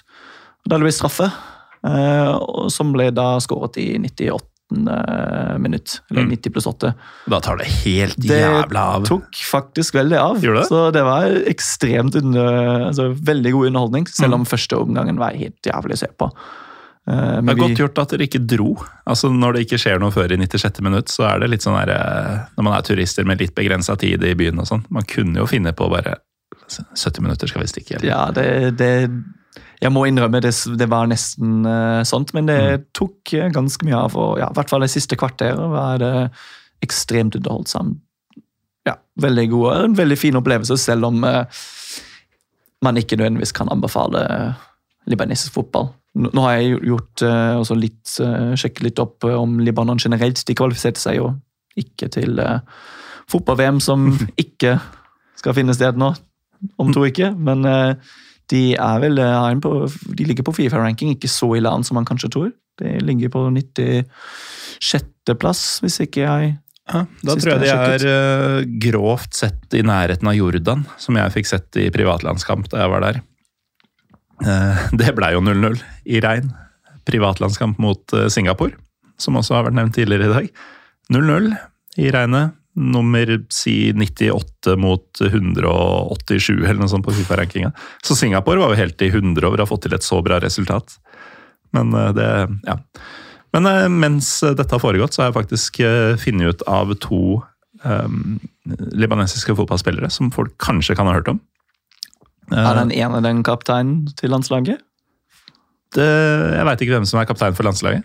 Hvem er det du har i tankene? Det er uh, en fyr som heter Hassan Matouk. Nei. Han uh, har spilt uh, både flest landskamper og er toppskårer. Han er i godt i, ja, godt i 30-årene nå, mm. så han har spilt for landslaget hit siden han var 17-18. Ja. Så han har jo vært med på Da blir det litt matcher. Det har mm. blitt Da jeg um, drev litt med research i denne episoden, her, så fant jeg ut at han har faktisk lært seg å spille fotball i Tyskland. Mm. Han eh, dro til Tyskland, han og familien hans dro til Tyskland under den, da borgerkrigen eh, nærmet seg slutten på 80-tallet. Eh, så han lærte å spille fotball i Råtveis Essen, av alle lag. Ja, nesten, det kunne nesten vært sagt om deg òg. Men nei, de to jeg har kommet på, er faktisk skandinaviske. Og har Eh, link til våre to eh, norske klubber, faktisk. Eh, det er henholdsvis dansk-libanesiske Basil Geradi, som var på lån i Lillestrøm fra Godset en vårsesong for en sikkert sju-åtte år siden nå. Var ganske god i perioder, men en kødd. Sånn typisk dribleving. Han spiller for det libanesiske landslaget. Og så er det en som jeg tror er et ungdomsprodukt fra Vålerenga. Adnan Haidar. Som øh, vel de siste åra er mest kjent for å ha vært innom KFUM, men det begynner å bli et par år siden, tror jeg. Han er i begynnelsen av 30-åra. Uh, eh, også en del landskamper for, uh, for Libanon. Men det er eh, to spillere som folk kanskje kan ha kjennskap til her i Norge. Som har, har spilt for det libanesiske landslaget i relativt ny tid. I tillegg til da han du nevnte. Så da, da har vi dekka fotballkvoten, Josh. Ja, For de som også er kanskje litt mer interessert og finner litt mer om libanesisk fotball, så er det en eh, ganske så god dokumentar på Netflix som heter Captains. Mm. Der er da jeg lærte litt om eh, Hassan Matouk. Ja. Synes det var veldig interessant, for da går de inn i eh, Ikke bare om Libanon, men de går innom en del land som man egentlig kanskje ikke forbinder med fotball. Nei. Da snakker de med spillerne og viser noen hovedsakelig kvalikkampene til fotball-VM og asiatiske turneringer og sånne ting. Mm. Men det var i hvert fall fotballen. Nå over til vinen. Du dro på vingård. Og som vinentusiast så tipper jeg at det ikke er den første vingården i verden du besøker. Ikke den første som jeg har besøkt uh, til sammen, men den første som jeg har besøkt siden jeg har blitt vininteressert. Mm. Siden, uh, som du også nevnte i starten, var at uh, jeg er jo såpass glad til å reise. Men Libanon har vært det første la oss si, nye land som jeg har vært til helt siden før pandemien. Mm. Jeg har vært på småturer opp inn, inn, inn i Europa nå siden det har vært lov og mulig og mulighet for å reise igjen. Mens eh, Libanon er det første nye land som jeg har vært i siden oktober 2019. Så det, det tok, uh, tok, litt tid, og jeg har jo bare blitt vininteressert nå opp gjennom pandemien. Ja. Jeg tror mange ble bedre kjent med Polets uh, tilbud i løpet av de ja, mer eller mindre to åra som man ikke kunne gjøre så mye gøy uh, utafor hjemmet sitt. Men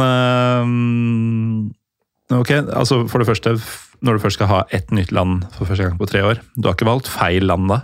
Nei, absolutt ikke. Uh, for det virker som du uh, Jeg fikk jo, som du sa, litt meldinger underveis. Det virka som du koste deg oppi all, alt kaoset. Men du drar jo da til et sånn halvukjent for mange vinland, men det er jo en del ting som du får tak Du får tak i libanesisk vin lett i Norge, i hvert fall her i Oslo. Helt sikkert på nett også, hvis det er litt vanskeligere i Trysil og sånn, liksom. Men hva var ditt forhold til libanesisk vin før avreise? Mm, libanesisk vin, som vi også har jo nevnt flere ganger nå, er ganske tungt basert på fransk vin. Mm. Både druene og uh, produksjonsmetodene. Og det er jo nettopp pga. Uh, på grunn av den franske kolonialtiden. Det vingården som jeg besøkte, ble stiftet på 30-tallet.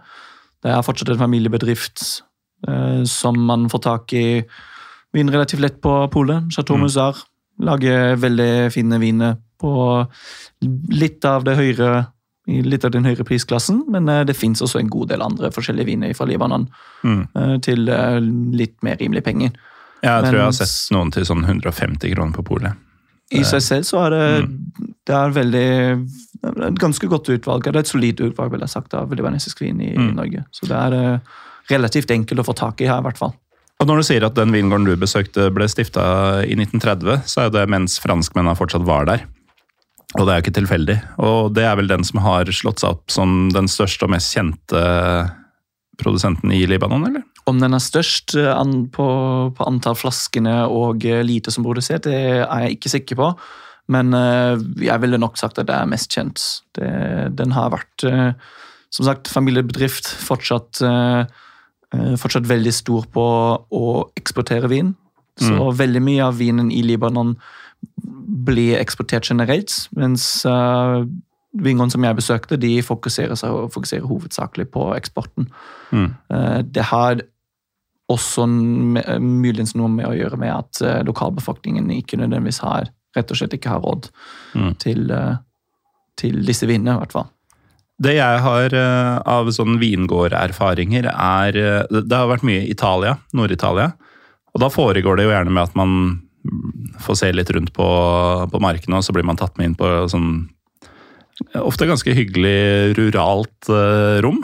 Hvor, um, hvor, det er noe grisini og noe, gjerne noe um, ost som, som, du får til, og så prater de litt om hva slags vin du drikker, egentlig.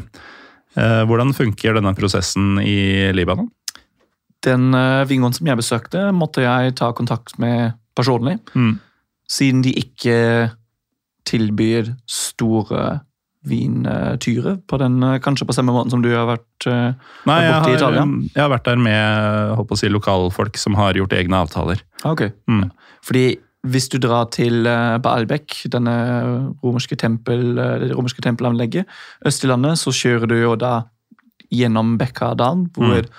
en del av disse vingårdene, vinmarkene ligger, og vingårdene selv. Da er det Siden jeg ikke fikk besøkt dem, så kan jeg kun si det som jeg har hørt fra andre. Så Der virker det litt mer som et turistopplegg. Mm. En av de vingårdene da har til og med et tog som kjører gjennom vinmarkene. Så det virker kanskje litt mer, eh, litt større sånne tasting rooms og sånt. Mens den som jeg besøkte, som sagt ligger nord fra Beirut. Eh, vi avtalte bare at vi skulle komme klokken tolv på fredagen, og så dukker vi opp der. Vi fikk en skikkelig hyggelig omvisning av Kielland, men uh, som jeg også nevnte, er at vinmarkene deres er ikke på samme sted som vingården. Så, vi, så du dropper på en måte den delen. Mm. Um, men vi fikk sett eh, kjelleren, i hvert fall. Kjempespennende. Kielland ble også under borgerkrigen brukt til, uh, siden den er oppi uh, utenfor Beirut, oppi de der fjellene på en måte begynner, så ble, og denne kjelleren befinner seg 25-30 meter under jorden. Tilfluktsrom? Ja, nettopp. Eh, så nå, nå er det ikke noe tilfluktsrom lenger, bortsett fra for 1,5 millioner vinflasker. Så det var veldig, veldig spenn, spennende å se. Det er I hvert fall um, veldig Veldig interessant. Også vinen fra Libanon, i hvert fall fra den produsenten, er ganske så uh, god til å glemme igjen på kjelleren. Mm. Mye av det som kan drikkes nå, mye av det som burde kanskje ligge i 5-10-20 år til. Ja. Men uh, god opplevelse, vil jeg tro. Ja, helt fantastisk. Og uh, det ble jo med noen godsaker med hjemme i, uh, hjemme i kofferten. Og det var Mm. jo selvfølgelig også denne araken. Ja. Det meste som var sagt får man tak i her i Norge, men det er alltid noe lokalt som man ikke kanskje får overalt. Så det, var, det måtte Mm. bare bli med som et, en, en liten souvenir, i hvert fall. Nydelig. Da må vi jo ut av Libanon, eh, tenker jeg. Og eh, du var litt inne på det, det var vanskeligere å planlegge en tur til eh, Syria. Papirer som måtte i orden og sånne ting. Fortell. Det er jo da som sagt ofte sånt med land som man kanskje tror man ikke kan reise til, men sånne turer må oftest gjennomføres med en guide, Mm. og da også med et eh, selskap som ofte sitter ikke i et land som man nødvendigvis har et forhold til. Så selskapet som jeg reiste med, det finner du relativt lett ut um, på nettet hvis du googler hvordan det er å reise til uh, Syria. De tilbyr også turer til Jeg tror jeg sendte deg vel en uh, screenshot av uh, nettsida til det de da kaller for most, The most misunderstood countries. Det var vel slagordet slagutsetninga de brukte på nettsiden deres for å reklamere for sånne tyre. Så jeg antar at de også lager eller tilbyr tyre til eh, altså Skreddersyr både private tyre. De har også tyre som drar dit to ganger i måneden, hvor du får en, eh, en hel uke i et visst land hvor det er et program som er på hver dag. Mm.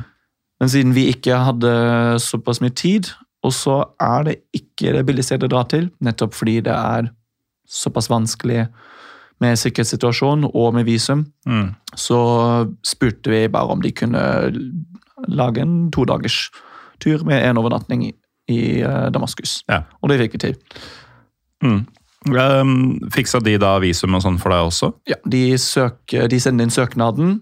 Det er så lett med at du bare må sende dem eh, uh, Du betaler et lite depositum i forveien, og så sender du dem et bilde av passet ditt. Og eh, vi ble også spurt hva vi gjør, altså hva vi jobber med. Mm. Eh, og ellers eh, tok det bare to uker, så fikk vi beskjed at nå var det godkjent. Og så Ja. var det å betale resten av turen da vi kom fram til Damaskus. Ofte vil man jo være skeptisk til å sende passdetaljene sine til, til en eller annen aktør, Um, men her var det ingenting å frykte. Nå er jeg jo eh, fortsatt litt tysk. Det vil si eh, paranoid tysker, men det var faktisk ikke så Jeg har jo gjort dette her før i, eh, til andre land som jeg har vært i, Mm. annet Nord-Korea. Det er visstnok sånn at det både I seg selv er visumsøknaden relativt enkelt, siden man bare må sende inn disse detaljene. Ja. Og de fyller jo da ut uh, alt annet. Men uh, du kan også si at det er veldig vanskelig å få visum til andre land hvor du ikke må sende inn passinformasjonen din. Mm. Det er jo eksempel Hvis du drar til den kinesiske ambassaden her i Oslo og uh, prøver å søke visum der, så er det heller ikke noe enkelt og gøy prosess. Mm. Siden det må fylles ut eh, flere sider av dokumentet. Ja. Men denne luksusen får du jo på en måte gjennom dette reiseselskapet som du drar med. At du betaler for at de gjør også det. Men du sier um, at uh, altså de gjør jobben for deg, og du sa det, det er ikke billig å reise dit. Hva, hva kom denne pakka på, sånn roughly? Eh, siden jeg har britisk pass, så var mitt visum dobbelt så dyrt Mm. som eh, det visumet til eh, norske kompisen min. Så han betalte 75 dollar ved grensen. Eh, og jeg betalte 150 dollar. Det gjør de visstnok med alle land som eh, var med i The Commonwealth og vestlige land. Mm. Mens eh, Norge var unntatt det, i hvert fall. Ja. Så hele pakka til sammen eh, med visum var 600 dollar. Da- For to? For, for én. For én? Hva? For én. Du, du Så- skulle til Syria, du. Ja, det skulle til Syria. Ja. Så det, ja, 600 dollar er jo nettopp fordi US-dollaren er ganske så dyrt akkurat nå. Mm. Så er det jo en eh, god del penger for en uh, to dagers. Mm. Men det inneholder jo også hele, um, hele Altså en skreddersydd tur med en guide som er med deg i begge dager, helt Mm. fra start til slutt. En taxitur fra Beirut til grensen. Um, med en eh, libanesisk sjåfør, og så en syrisk sjåfør som henter deg ved grensen der, som også snakker arabisk til eh, grensevaktene der.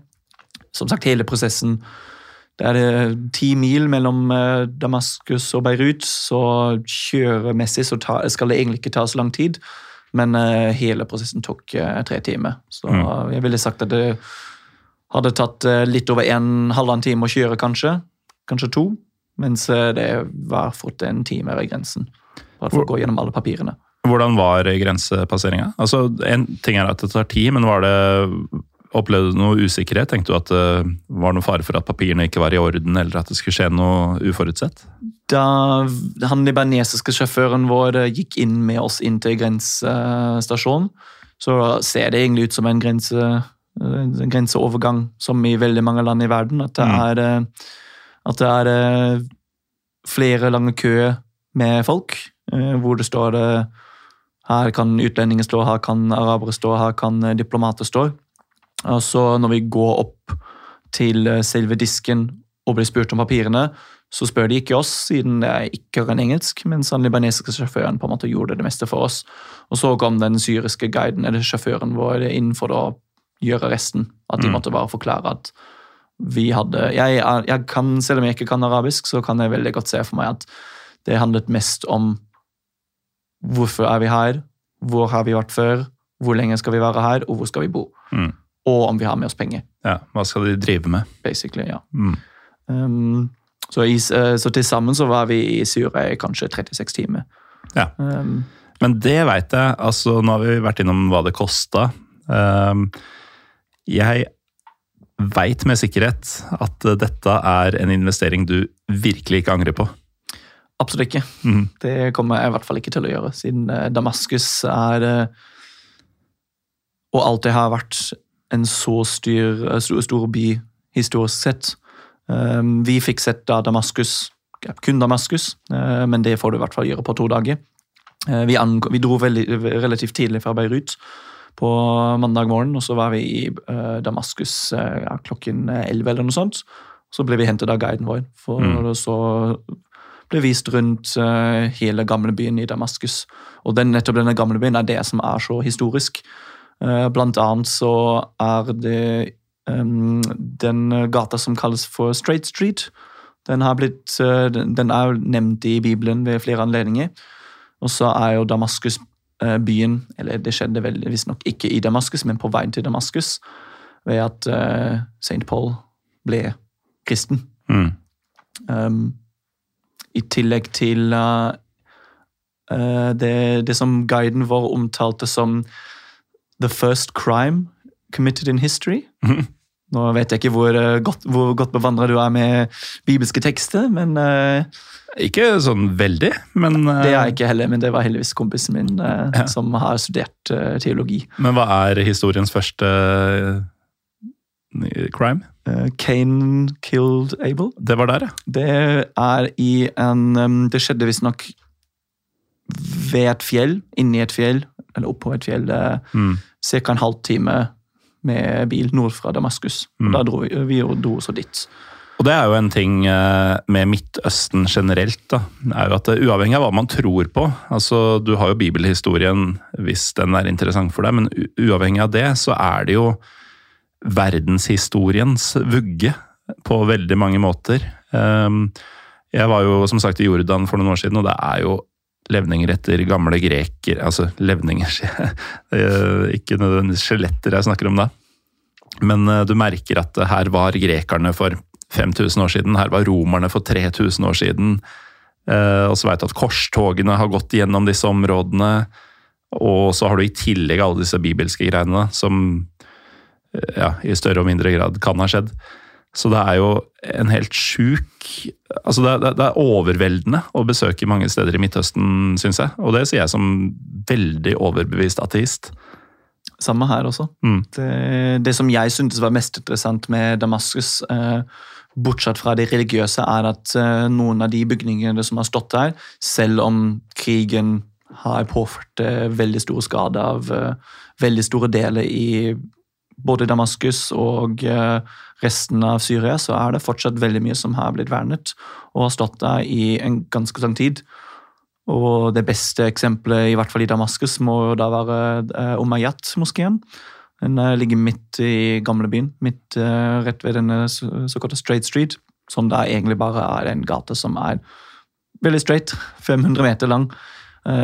Eh, har blitt nevnt i Bibelen, og uh, moskeen ble bygget på 800-tallet, så ikke så langt etter det uh, eh, islam Mm. uh, oppstå.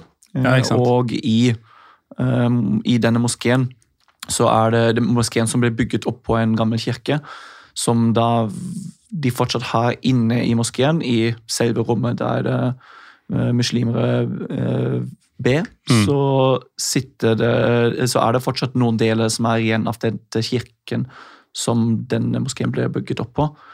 Og så er denne kirken, visstnok er det det som guiden vår fortalte oss, er det en av de syv eh, moskeene til altså de søylene til islam. Mm. Blant annet selvfølgelig det som er det som er i Mekka og Mali og den blå moskeen i Istanbul. Mm. Så moskeen i seg selv er ekstremt eh, vakkert. eh, veldig, veldig stort. Vi snakker 150 meter lang bygning, og ja, som sagt eh, Deler av den har vært der siden 800-tallet. Mm. Um, helt siden Damaskus ble uh, av muslimene. Og så er det det som er viktigst for muslimene der, så er det hodet og levningen til best Nei, hva er det heter? sånn? Barnebarnet til profeten Mohammed. Mm. Den, det barnebarnet som da sunni-muslimene tror på. Ja. Så er det jo den så Nå skal jeg be om unnskyldning fra alle muslimer som er veldig flinke på det her, eh, eller alle historikere, men eh, sunni og eh, shia-islam baseres jo på at det er forskjellige linjer som Hvilken etterkommer er eh, Nettopp. mest sann? Og det som eh, vel var vanskeligst for meg også, at disse, begge disse to barnebarna er det første og det fjerde eh, barnebarn til eh, profet Mohammed. Begge to heter Ali. Mm. Så det er litt vanskelig å holde styr på hvem som er hvem.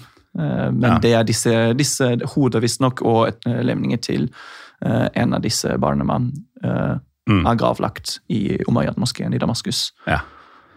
Og jeg veit jo um, det, det kom jo noen uh, ganske sånn ekstatiske meldinger um, mens du var i, i uh, Damaskus. At dette var sånn tidenes by, nesten. Uh, hva var det som var så fett med, med dette? Altså, jeg, jeg er jo veldig glad i å bruke um, ordet surrealistisk. For det er litt sånn at du befinner deg på et sted som du bare har et sånn distan distansert, eksotisk forhold til gjennom TV og tekster og alt mulig. Sånn, eh, hvis jeg f.eks. ser en nyhetssak fra Jerusalem, eh, så ser du gjerne f.eks. Klagemuren eller Den eh, gylne kuppelen på, på Klippemoskeen der. Og hver gang jeg ser det nå, og sånn har det vært helt siden jeg var der, altså da det var sånn en uke siden, og nå som det er flere år siden, så er det sånn at det, det går ikke helt opp for meg at jeg var der. Hvis du skjønner hva jeg mener? At- Det kan jeg veldig godt se for meg. Ja, at man Der har jeg faktisk vært. For det, det virker så fjernt. Og det virker så Ja, det, det kan ikke være ekte, liksom.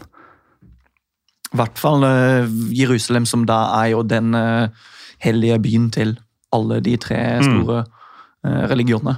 Så Ja, da blir det enda uh, mer intenst. Uh, Mm. Det som jeg kanskje, hvis jeg bruker det eksempelet som du brukte nå, at uh, du ser jo ikke veldig mange nyhetsinnslag fra Damaskus.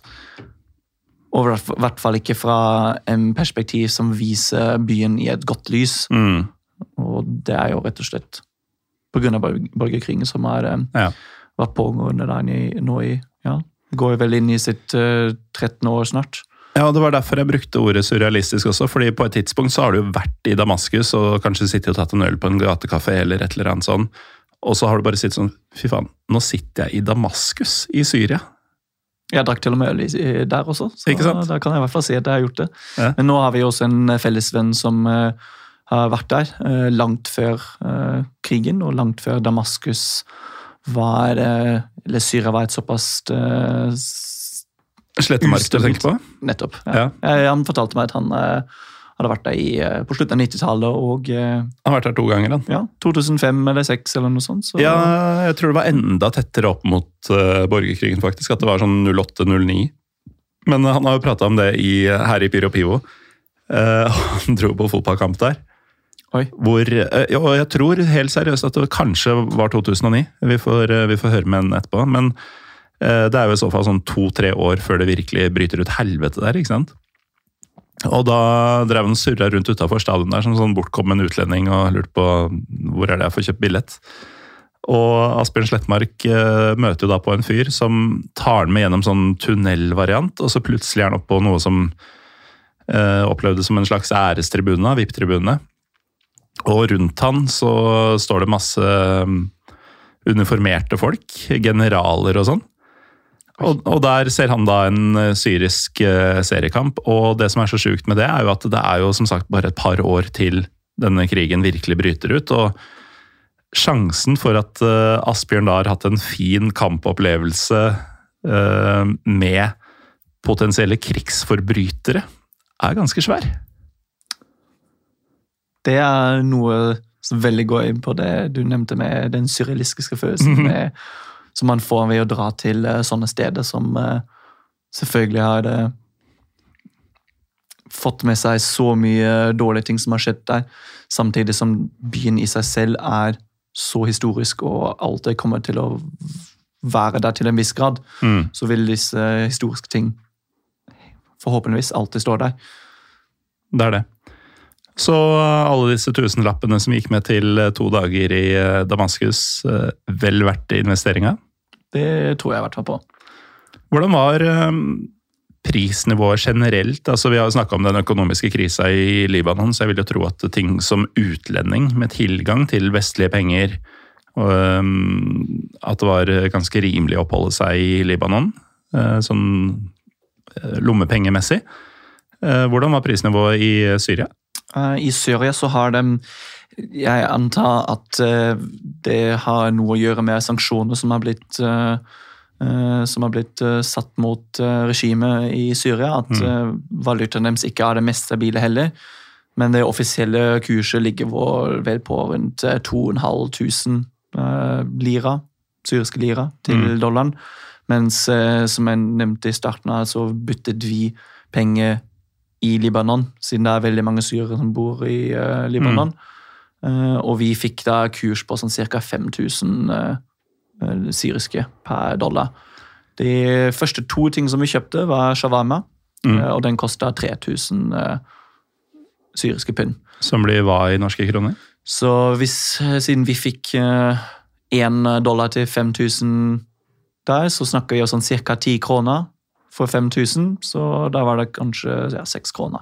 Seks kroners shawarma? Shawarma, ja. Som var Og det kommer jeg aldri til å uh, oppleve igjen, mest sannsynligvis. Det var den beste sjarmen jeg noensinne har spist. Og, Sånn blir det jo. så, og det, det, det kan, den kan man ikke få tak i her i uh, jeg- ville nesten også sagt utenfor Midtøsten. Nei, nei. Men det er litt sånn, jeg kommer aldri til å få en falafel bedre enn den jeg fikk i Ramallah på Vestbredden.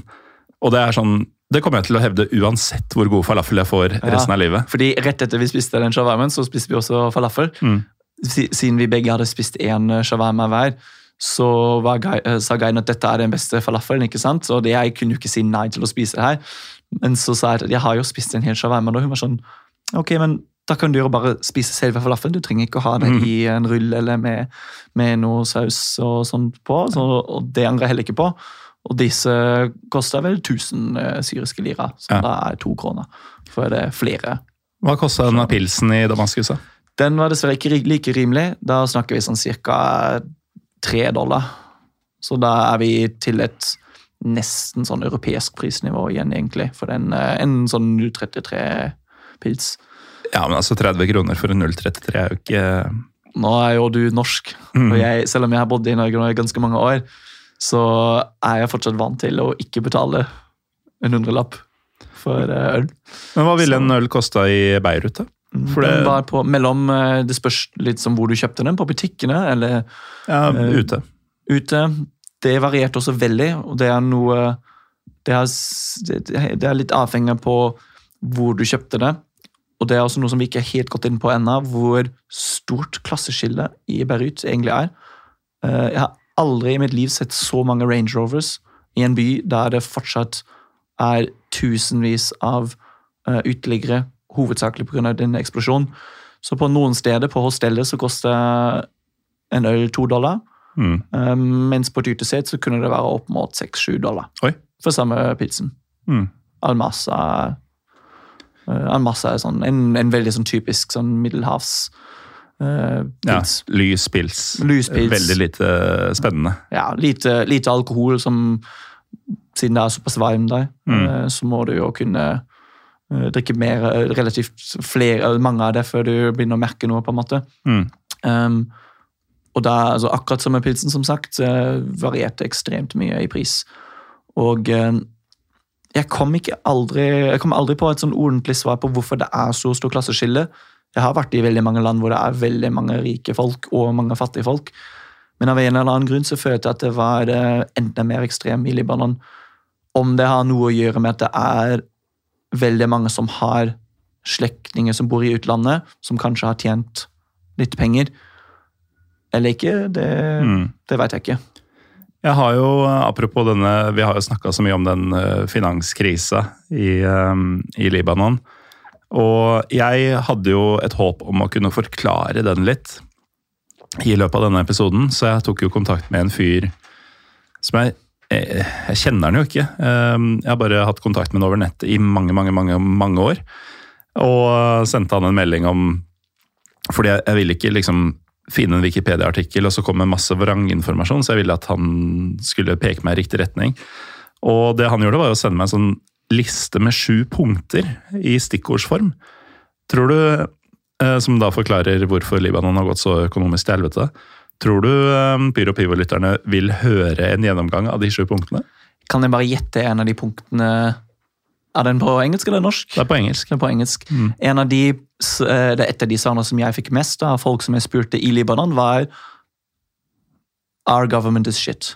Mm. Det forklarer jo ikke så veldig mye, men det var på en måte den essensen som jeg fikk ut av det her. At eh, de Ja, som du sa, failed state, eh, som man peker, Ja. of, ofte peker til.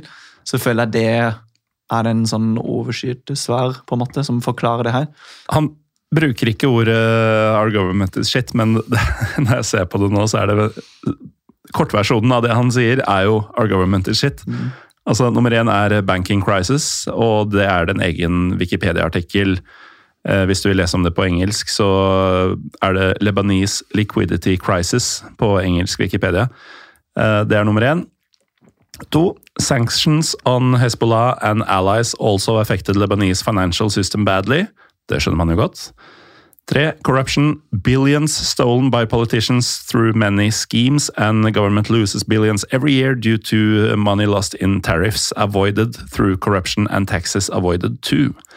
Det gir mening, fordi jeg har faktisk lest opp hvor mye en libanesisk politiker og statsministeren eh, får betalt.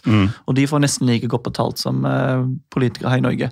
Ikke sant? Og det har jo ikke Libanon penger til. Nei, egentlig ikke. I hvert fall hvis du tenker på hvor fattig det faktisk er. Så det ser jeg, og det, det på en måte forklarer litt det, det jeg nevnte i stad, med antall Range Rover-biler som jeg så kjørende rundt der.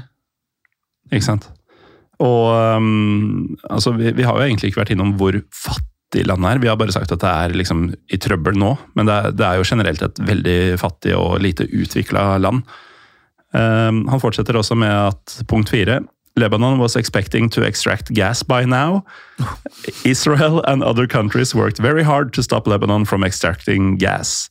Uh, og så må vi vite at dette kommer jo fra en libaneser, uh, men det betyr jo ikke at han nødvendigvis tar feil.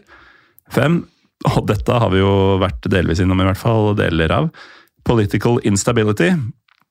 Eh, Som det, Man må jo nesten egentlig si at det har jo aldri vært politisk stabilt i det landet. Det har aldri vært det. Al Qaeda terrorist attacks, 2006 Israeli war, and political assassinations caused tourism to stop, costing Lebanon around $2 billion every year. Six, foreign and national government debt of $25 billion dollars rose to over 120 billion due to lack of payments and accumulated interest. Altså, dette er jo forbrukslån i internasjonal storpolitisk skala. Eh, siste, sjuende og siste punktet. Debt, corruption uh, and currency devaluation led the central bank to give depositors high interest rates on their money and to print a lot of Lebanese liras. This caused hyperinflation. Og så det sjukeste, altså siste setning her. The lira devalued by over 2500% in two years. Det er akkurat det som uh som jeg tenkte på ved at hvis du Failed state oppsummert. Nettopp. Syv poeng. ikke sant? Mhm. Hvordan, hvordan uh, å lage en failed state. Ja, fy faen. Men en failed state uh, definitivt verdt å besøke, skal man tro dine Absolutt. erfaringer. Og mm, selv om vi har nå snakket om så mye fæle ting i Libanon, så er menneskene, folket der, er ekstremt uh, gjestefri. Det mm. er helt uh, fantastisk og nesten uforståelig hvor åpne de er, og hvor glad de blir når de spør deg hvorfor du har valgt å reise til Libanon. Mm. Veldig ofte når vi blir spurt om uh, oh, why did you come to Lebanon, oh, is it business? Nei, vi, vi har bare lyst til å mm oppdager det fantastiske landet deres og maten. Og det er en av de første tingene som de fleste sier. Oh, our food is quite good. Ja. Right? Og da, da, får man automatisk en ganske god, sånn, uh, ganske god flyt i samtalen med hva, hva, liker du best av maten, og hva er det du har sett, og uh, hvorfor kommer du til Libanon? Og husk at neste gang du kommer, så kan du bo gratis hos meg. Altså, ja, men, uh, jeg føler det oppsummerer denne gjestefriheten som, som det libanesiske folk det, det gjenspeiler det folket veldig godt, tenker jeg. Og dette reiseselskapet du brukte til eh, Syria, som eh, snakka om eh, verdens mest misforståtte eh, land. Dette er jo musikk i mine ører, fordi hver gang jeg har vært i et land som folk lurer på hvorfor i helvete drar du dit, så er jo det jeg kommer hjem med, er jo ofte at det er så mange steder hvor folket ikke får politikerne de fortjener. Og mm, mange, mange er jo litt sånn redde og skeptiske for den muslimske verden og sånn. Men sannheten er jo at de aller fleste mennesker, uavhengig av om du er amerikaner eller libaneser eller uh, thai eller altså hva det skal være, er jo ikke først og fremst religionen sin. Og selv om man skulle være veldig religiøs, så er man jo ikke nødvendig Altså, de, de færreste er jo faktisk konfliktorienterte på det. Uh, de fleste bruker jo religionen som et nødvendig holdepunkt i en ellers vanskelig hverdag. og sånn. Det er jo ikke sånn at man vil kappe huet av folk som ikke tror det samme. Og det må jo folk forstå. Fordi eh, hver gang man er i et eh, såkalt misforstått eh, land, så er det jo det man drar hjem med, er at faen så mye hyggelige folk vi møtte. Nettopp. Og hvor overdrevent hyggelige mange av dem var. Med dette at Ja, at du kan ikke finne på å bo på hotell hvis du kommer tilbake. Da, det er jo en fornærmelse. Det, det, er sånn de aller fleste oppfatter det som, og i hvert fall når du forteller dem eh, at du eh, har reist dit med dette åpne synet. på en måte. Mm. At Hvis du drar dit med et åpent syn, så kan du oppleve så mange fantastiske, fantastiske ting. Og eh, jeg tror også det ble um, Det kom egentlig fram veldig godt i Iran-episoden din. At uh, og det er altså noe som man ser nå med den revolusjonen eller demonstrasjonen eller hva du vil kalle det for noe som pågår i Iran akkurat nå. Mm. At uh, folket og de tillitsvalgte i anførselstegn i sånne land er det så langt fra hverandre som man mm. uh, kan se for seg. Det er også In the end så er det bare mennesker ikke sant, som prøver å leve et, leve et liv under veldig tøffe forhold som bare blir glad for det. Folk som kommer og reiser dit for å oppleve det landet utenfor det som de kanskje blir presentert om i, i media og sånne ting. Så ja. ikke sant? Og da har jo du egentlig svart på et sånn standardspørsmål om hva du tar med deg som mest positivt. Altså Det høres ut som folket er, er svaret på det, men du hadde jo en del forventninger og tanker om disse to landene eh, før du dro. Hvordan, eh, hvordan var virkeligheten kontra forventningene? Jeg vil egentlig si at jeg ikke har så mange forventninger når jeg drar på en sånn tur. Nettopp fordi selv om jeg har lest relativt mye om det landet og har kanskje uh, vært borti en del uh, mennesker fra disse respektive landene fra før, mm. så føler jeg at jeg prøver å dra med et så åpent syn som mulig. Det har skjedd veldig sjelden at jeg har dratt et sted og blitt skuffet. Ja, Når jeg sier forventninger, så tenker jeg mer sånn ideene du hadde om hvordan det ville være på forhånd. Ikke at du Eh, sånn, ah, okay. nå, nå, skal jeg til Libanon, og da skal jeg drikke dritgod vin og spise dritgod mat. Og politidamene ser helt fantastiske ut og sånn. Altså, eh, det, det, var ikke den veien, men sånn hva du så for deg, kontra hva du fikk. Jeg har jo spist uh, mat fra ja, The Levant, eller Midtøsten, da, som Libanon mm. befinner seg i, uh, før. Men uh, maten ble, ble, jeg ikke lei av, selv om jeg var der i 12 eller 13 dager. Og hvis du er uh, såpass matinteressert, eh, så tror jeg at eh, Libanon er ikke et land som du kan gå glipp av. Mm. Jeg er helt enig, og det, det, sier jo egentlig sitt, fordi nesten uansett hvor man er, så blir man jo lei av den lokale maten i løpet av første uka. Og liksom må ha en tur på KFC eller hva det skal være, bare for å få noe annet. Så det at du ikke ble lei av den type mat på, på såpass lang tid, det sier jo egentlig veldig mye. Og i det hele tatt så sitter jeg jo igjen med Nå har vi sittet i over halvannen time og snakka nesten ikke om fotball i det hele tatt.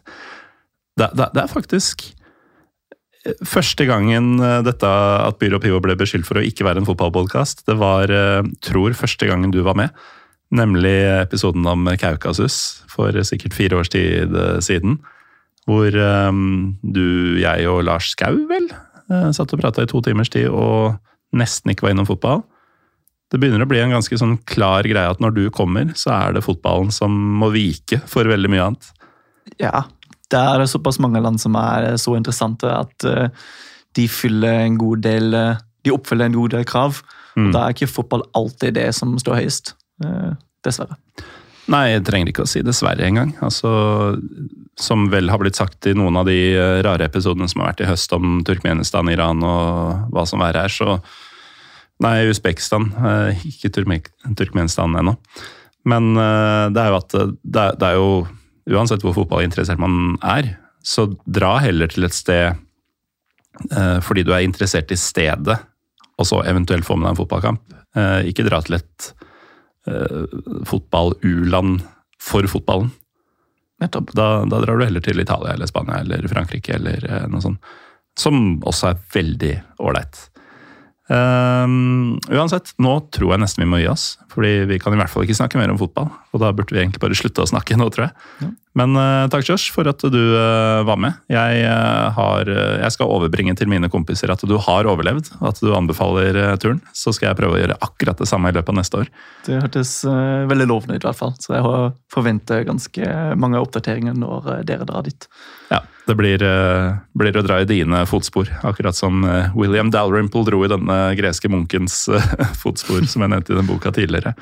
ja, takk til deg. Takk til deg som hører på. Ja, det er to ting som jeg kan også si før, jeg, før vi avslutter her. Ja. ja. Fuck VAR og fuck Qatar. Ja, vi, det, det burde være et gameshow. VAR eller Qatar. Det er, eh, det er et vanskelig valg for mange. Ja. Eh, der ville jeg valgt kolera ti av ti ganger, for øvrig. Fordi det er, eh, det er dritlett å behandle. Ja, sånn. Uansett, uh, takk Josh, og takk til uh, deg som hører på. Uh, fuck VAR og fuck Qatar, men fuck også eventuelle planer om å ikke dra til Libanon og Syria. For det, det burde man gjøre i løpet av livet. Mitt navn er Morten Galaasen. Vi er Pyropivopod på Twitter og Instagram. Og en ting jeg aldri sier, men som jeg kom på akkurat nå, akkurat tidsnok, er at eh, hvis du hører på i Spotify, så går det an å rate podkasten. Så sleng inn en femstjerner hvis du er en fotballpodkastlytter som ikke liker fotball, som denne episoden. Den er for deg.